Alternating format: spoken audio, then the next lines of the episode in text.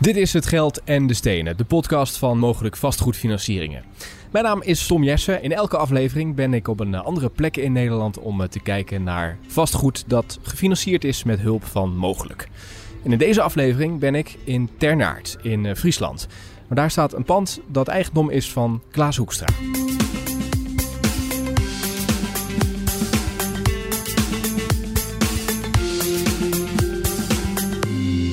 Ik ben uh, Klaas Hoekstra, ik ben een van de aandeelhouders en uh, directeuren van Kloostervester BV.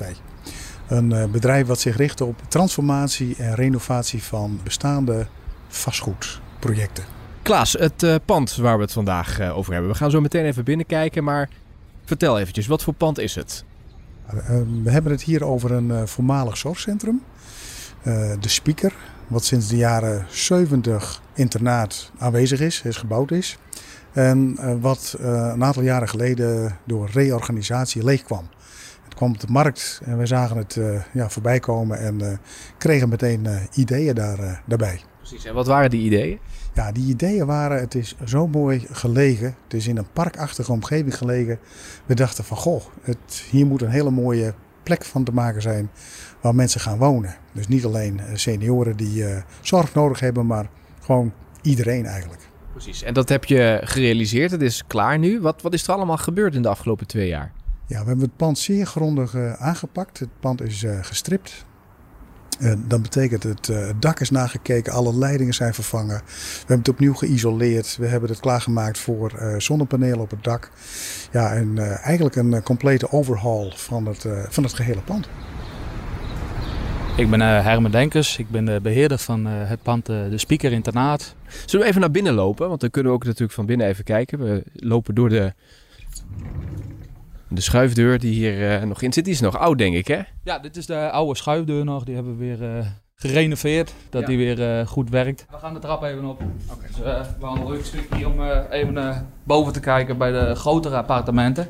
Dan kunnen we ook even naar binnen lopen. in principe is eerst het hele gebouw gewoon leeg geweest. Daar hebben we gewoon ongeveer twee jaar over gedaan om het te verbouwen. En toen is het langzaam volgelopen in principe met mensen. En ja, nou doen we de afronde werkzaamheden, zijn we mee bezig. Dan gaan we hier naar de, naar de grotere appartementen. Oh, dus er zijn ook nog verschillende. Uh... Zeker, er zit wel verschil tussen uh, de grootte van appartementen. Als je ziet, uh, we gaan nu even naar 151. Dan zie je dit.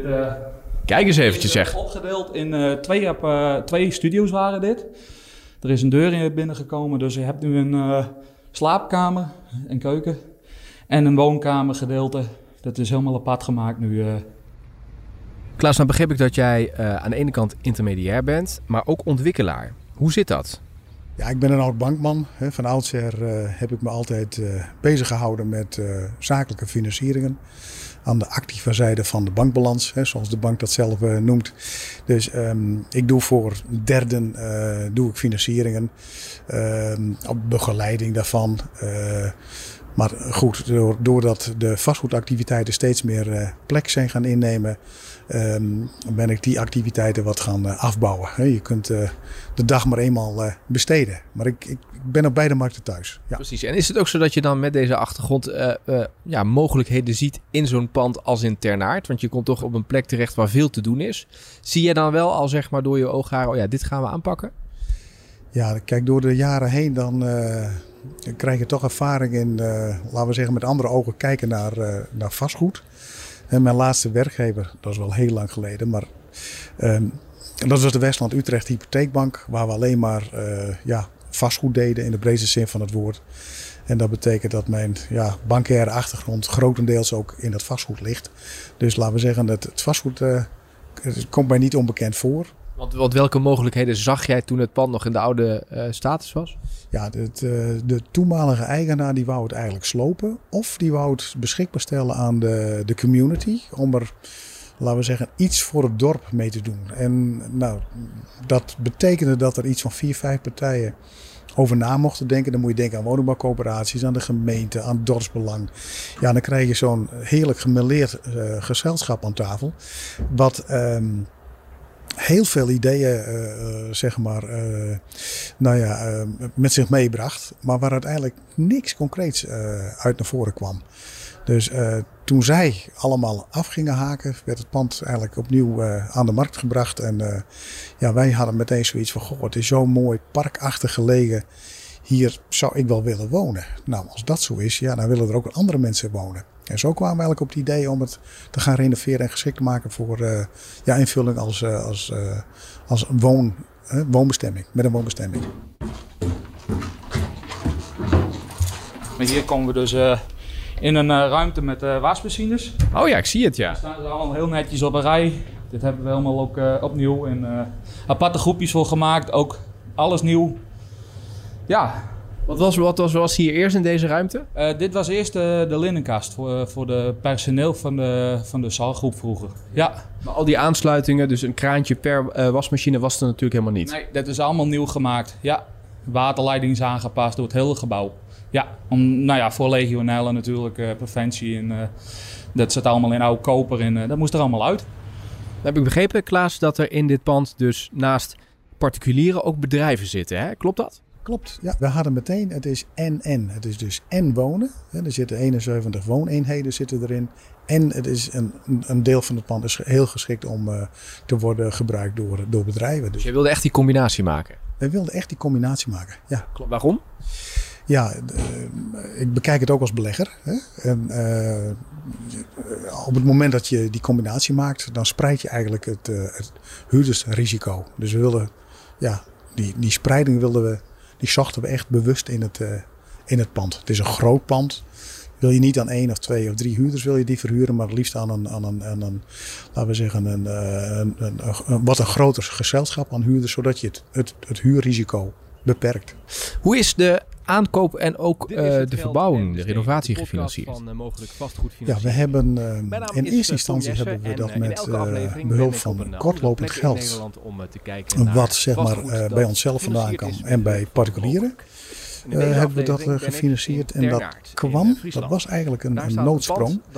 Omdat de bank die ik toen had gevraagd, notabene bij een ex-collega, die kwam drie weken voor het, uh, dat de, wij het pand moesten afnemen, kwam die toch met een extra eis. Die kwam uit het niets. Was ook een eis waarvan je zegt van joh, dat is niet in te vullen. Ik wist meteen toen de vraag kwam, dat ga ik niet invullen. Dus ja, ik moest wel afnemen. Daar staat natuurlijk een, zo werkt het in het vastgoed, een uh, hoge boete op. Dus wij moesten uh, eigenlijk een soort uh, noodverband moesten leggen. En dat maakte wel dat ik op dat moment wel veel breder in de markt ging rondkijken. En um, ja, toen kwam ik ook mogelijk kwam ik tegen als optie. Precies. En dat, dat gedeelte wat je zocht qua financiering, was dat ook wel voor de aankoop of puur echt voor de verbouw? Nee, dat was, dat was in eerste instantie voor de, voor de aankoop. Ja. En wat sprak jou aan uh, in mogelijk ten opzichte van de andere opties die je tegenkwam? Ja, ik, ik trof bij mogelijk een oud ING'er als aanspreekpunt. En um, ik moet zeggen dat de introductie uh, van, goh, zo doen wij dingen bij mogelijk. Ja, die sprak mij enorm aan. Ik ben natuurlijk een oud bankman, dus ik, ik, ik luister met bankoren en ik kijk met bankogen naar dit soort uh, ja, introducties. En ik moet zeggen dat het erg professioneel overkwam. Zeer goed uitgedacht. En um, ja, de hele filosofie die sprak mij enorm aan. Vanaf het eerste moment was die klikker. Kun je dat eens concretiseren? Want het is een fintech bedrijf, heel anders dan een bank. Wat zijn dan de zaken waarvan je zegt, nou dat hebben ze goed aangepakt? Ja, er wordt heel erg ingezoomd op uh, zeg maar de mogelijkheden in het vastgoed. Dus er wordt heel strak gekeken naar wat brengt het vastgoed? Wat is de potentie? Wat is de dekkingswaarde in het vastgoed? Wat is in de toekomst zeg maar de cashflow? Terwijl een bank die gaat veel meer uit van um, um, wat is er in het verleden gepresteerd? Wat zijn de cijfers van de entiteit die het gaat kopen? Wat is de toekomstige uh, prognose? Kun je die onderbouwen? Uh, er wordt, laten we zeggen, honderd vragen gesteld die je allemaal stuk voor stuk moet beantwoorden. En ja, sommige die zijn eenvoudigweg nog niet te beantwoorden, omdat laten we zeggen, het zover nog niet is. En ja, mogelijk die kijkt met hele andere ogen naar, uh, naar vastgoed. Die, um, dat, die zoomt meer in op, op uh, zeg maar de, de potentie van het object. Het, het te financieren object. Die kijkt naar um, de toekomstige kaststroom, ook al is die er op dat moment nog niet. Dus die gaat veel meer uit van, ehm, laten we zeggen, prognoses die je uiteraard moet kunnen onderbouwen. Hè, dat is geen slag in de lucht. Maar uh, die kijkt minder naar het verleden. mag ik het samenvatten als flexibiliteit, dat dat ook erin terugkomt? Ja, het is flexibiliteit, maar veel meer vanuit de ondernemer gedacht. Als, het is alsof je met ondernemers aan tafel zit. En dat is, uh, kijk, banken zijn geen ondernemers. Hè. Banken die, die zijn risico-inkopers. Die kopen zeg maar risico's in. En dat doen ze natuurlijk met het nodige uh, voorzichtigheid maar ook strak gereguleerd. En de AWM die kijkt mee, de Nederlandse Bank die kijkt mee. En uh, ja, ik, ik, heb, als ik een gesprek heb bij een bank, heb ik nimmer het idee dat ik met een ondernemer aan tafel zit. En dat heb ik bij mogelijk wel. En, en niet, niet een klein beetje ook. Welke oplossing is er uiteindelijk uitkomen rollen bij mogelijk? Nou, nadat we dus het pand hadden aangekocht met uh, kortlopend geld, hè, wat ik zelf had, uh, in de markt had weten te vinden en, en, en eigen middelen, heb ik de aanvraag direct ingediend bij mogelijk. Een eerste gesprek gehad. Vakantie zaten ertussen. Dus voordat we daar aan tafel zaten, waren we een week of vier, vijf verder. Toen kwam die introductie, waar ik het net over had, waarbij de klik enorm aanwezig was. En um, ja, er werd eigenlijk meteen ingezoomd op van, goh, als we nou eens zeg het aankoopbedrag gaan herfinancieren. En we gaan dus goed kijken naar wat je nodig hebt om het pand af te kunnen maken. Nou, dat, dat was een inschatting. Het is bestaand vastgoed. Dus je weet nooit met 100% zekerheid hoeveel geld je nodig hebt voor de verbouw. Maar er werd een uh, realistische uh, uh, visie op losgelaten. wij hadden een bepaald idee en ja, we, heel snel zaten we op één lijn van goh, in principe zou dit bedrag het, het moeten kunnen, kunnen doen. Dus aanvraag opgetuigd. Ik heb de stukken die ze vragen vroeger, die heb ik ingeleverd. En ja, we hadden eigenlijk in no time had ik die herfinanciering plus het bouwdepot voor elkaar. Dat ging uh, uiterst soepel. Um, daarna bleek bij de verbouw dat we toch iets grondiger wilden doen dan in eerste instantie uh, bedacht. Dus je had meer financiële middelen nodig? Ik had meer geld nodig. Ik had een half miljoen meer, uh, meer nodig. En ik heb het wederom aangekaart bij mogelijk. En ze hebben wederom met me meegekeken en er zat een goed fundament onder het tweede deel van de aanvraag. En ook dat deel, dat was eigenlijk in no time uh, was dat, uh, geregeld. Dus we hadden ja, een hele prettige uh, financiering opgetuigd. Met een bouwdepot, wat volgens een vasttermijn, daar werd volgens een vasttermijn op getrokken. En dat ging ja, keurig volgens afspraak. Nou hoor ik wel dat de rente die je betaalt bij mogelijk iets hoger is dan bij andere partijen in uh, de markt. Dat speelt natuurlijk ook een rol, zeker als het om grote bedragen gaat. Is dat nog een reden geweest waarvan je dacht, ja, misschien moet toch van ander gaan? Uh, nee, om heel eerlijk te zijn, eigenlijk niet. Hè. Er, zijn eigenlijk eh, twee redenen voor. Eén is beter duur dan niet te koop. Dat is eigenlijk een hele belangrijke. Als je iets, een mooi project voor je neus hebt staan, maar je kunt het niet financieren omdat de banken het niet willen. Dan, nou ja, dan is er sowieso geen rendement. Dus beter duur dan niet te koop, dat is één ding. Um, maar een iets hogere rente. Hè? Als ik nou bij, laten we zeggen, een standaardbank uh, uh, 5% moet betalen en bij mogelijk 7. Ja, als het een goed project is, is die 2 procentpunt zeg maar, op het te lenen bedrag is eigenlijk te verwaarlozen. Dus wat meer rente betalen, ja, dat vind ik eigenlijk helemaal uh, niet een probleem. Mits het rendement natuurlijk in het project zit. Als het, altijd, als het niet kan, ja, dan, dan houdt het op. Maar ja, je ziet niet vaak dat een uh, vastgoedproject niet doorgaat omdat de rente net te hoog is. Dat, dat komt bijna niet voor. Is het zo dat uh, Klaas uh, voor de financiering van dit pand in Ternaert gebruik heeft gemaakt van het zakelijke hypothekenfonds 2? Waarom hij dat heeft gedaan en wat de voordelen daarvan zijn, dat vertelt hij zo meteen. Maar eerst naar de contactpersoon van Klaas bij Mogelijk. Mijn naam is Digetto Biemans. Ik ben werkzaam als vastgoedspecialist bij Mogelijk. Hoe heb jij nou de, de samenwerking met uh, Klaas um, ervaren? Ja, Klaas is uh, iemand die ik uh, in de afgelopen maanden dus ja, nog niet persoonlijk ontmoet heb overigens, maar wel heel veel contact mee heb gehad. Ja, kijk, Klaas is gewoon een hele open en een hele spontane, spontane kerel. Die aan de ene kant als intermediair werkt, aan de andere kant ook wel als, als um, ontwikkelaar werkt, hè, dus min of meer. Dus hij kijkt, doet eigenlijk van twee kanten doet hij in ons traject mee. Um, ja, dat, dat, dat contact is fantastisch. Kijk, uh, er is begrip voor elkaar. Dat is belangrijk. Um, fijn is uh, dat hij goed snapt hoe dat het ook bij ons werkt. Dus hij weet ook van ja, weet je, dat kan. Ik weet dat dat net niet kan. En dan doen we het op deze manier. Gaan we het ook met elkaar redden. Ja, en we zorgen er eigenlijk altijd met elkaar voor dat we eruit komen. En dat doen we gewoon op een hele, ja, eigenlijk hele ontspannen, maar wel uh, goed en juist zakelijke manier. En dat, uh, dat werkt fantastisch. Wat je ook heel vaak hoort van tussenpersonen als je met, je met ze spreekt, is van mogelijk is ontzettend snel. Hoe belangrijk is, nou laten we eerst even beginnen, hoe uit die snelheid zich wat jou betreft? Nou, laat het is. Uh, het heel belangrijkste is wat je eigenlijk niet meer verwacht tegenwoordig, is dat de lijntjes gewoon heel erg kort zijn. Je kan zomaar mij aan de telefoon krijgen. Dat is natuurlijk al heel bijzonder, hè? Uh, maar zo werkt het dus niet meer in, in, in, financiële, in de financiële wereld. Maar zo is het bij ons nog wel steeds. En we gaan met elkaar gewoon op zoek. Dus dat is al een heel belangrijke. Ja, en dan is ons proces gewoon heel erg snel. Het is gewoon uh, beoordelen, goed, langskomen. Want dat vinden we essentieel. Contact met aanvrager moeten zijn. Of dat doen we via uh, Teams. Of ze komen gewoon het liefst bij ons op kantoor. Dus er komt een ontmoeting. Dat is ook alweer bijzonder. Maar dat vinden we super belangrijk. Dus dat gebeurt. Een stuk aanleveren, offerte maken, tekenen. Dan gaan we publiceren. Nou, en als het opgepakt wordt door een investering, zijn we klaar. Dus we kunnen in principe, nou, extreem is twee weken, maar gemiddeld drie à vier weken kunnen we bij een notaris zitten. Ja, dat is natuurlijk bizar. Dat is natuurlijk bizar. Ja, en dat is in deze wereld is dat gewoon, uh, is dat gewoon echt uh, heel gunstig. En dat vinden zeker ondernemers vinden dat natuurlijk prachtig. Want ja, een ondernemer die heeft, uh, heeft geen tijd. Die wil gewoon snelheid en die wil door. Ja, dat is terecht. En zo denken wij ook. Wij denken Hoe belangrijk is die, die tijdsfactor dan in, de succes, in het succes van mogelijk? Ja, die is belangrijk. Die is echt heel belangrijk. Want wat ik al zeg, ondernemer vindt dat heerlijk. Duidelijkheid, helderheid, snelheid, transparant. Een, een, een intermediair vindt dat ook fijn. En, ja, en we zijn ook hartstikke duidelijk. Ja, dat, dat is toch wat je als ondernemer wil. Juist dat, uh, dat twijfelachtige van kan het wel of kan het niet, moet nog even kijken. Uh, ben je bijna klaar, gaat het alsnog niet door? Ja, dat gebeurt bij ons niet. Dat is, dat is gewoon, dat is niet onze wereld. Wat zijn nou de punten waar ook uh, in het contact tussen het intermediair en jullie uh, de meeste tijd in gaat zitten? Goh, dat is een goede vraag.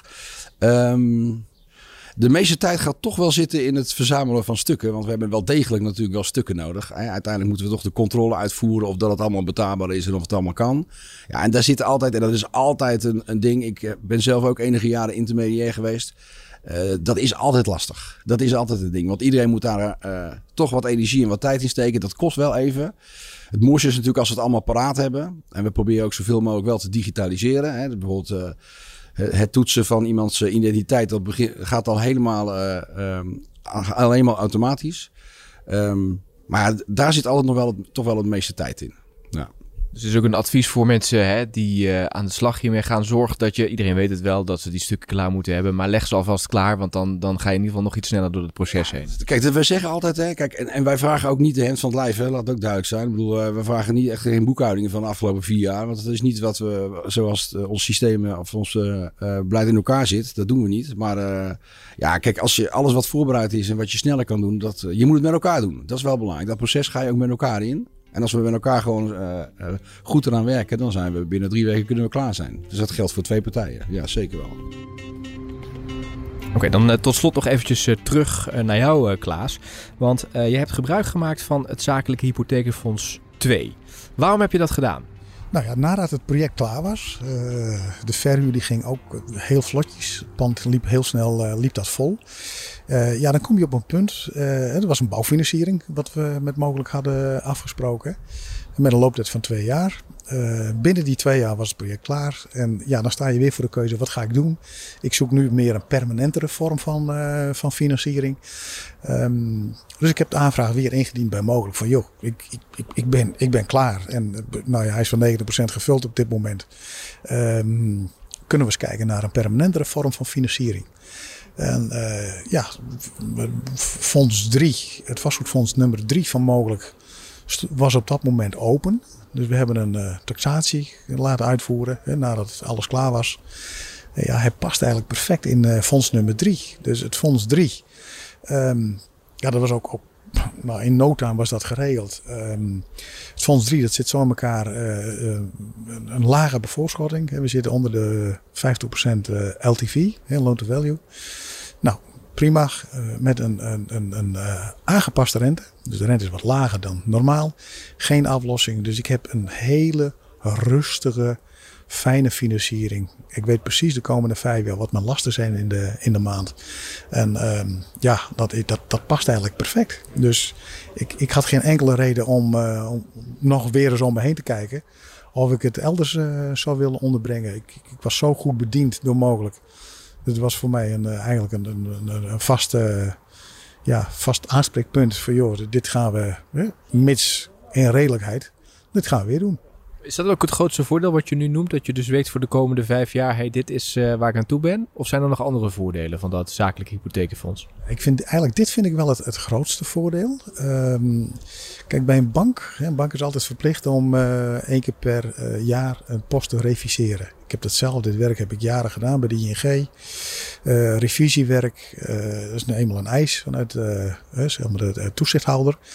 Um, dat betekent ook dat soms, uh, als waarden in vastgoed veranderen, dat je dan in een ander soortig traject terecht kunt uh, komen. In 2008 hebben we met het na de Lehman uh, debakel, is zeg maar de waarderingen van vastgoed die zijn behoorlijk bijgesteld. En ja, ik heb heel veel voorbeelden in de praktijk voorbij zien komen waarbij zeg maar de loan to value een, een, een, een niveau bereikte dat de bank wel moest ingrijpen. Nou, in het fonds, bij mogelijk, hebben daar veel minder last van. Sowieso omdat je met een lagere, lagere LTV eh, werkt. Maar ook die, die uh, revisieplicht is een, uh, ja, minder uh, strak dan, dan bij een bankaire instelling. Ja. Dus ik vind dat prettig. Ja. Super, dankjewel voor de toelichting. Graag gedaan. Tot zover deze aflevering van uh, Het Geld en de Stenen, de podcast van mogelijk vastgoedfinancieringen. Wil je meer informatie? Kijk dan op onze site mogelijk.nl en abonneer je op dit kanaal, want dan krijg je vanzelf weer een seintje als er een nieuwe aflevering voor je klaar staat. Voor nu, bedankt voor het luisteren en heel graag tot de volgende keer.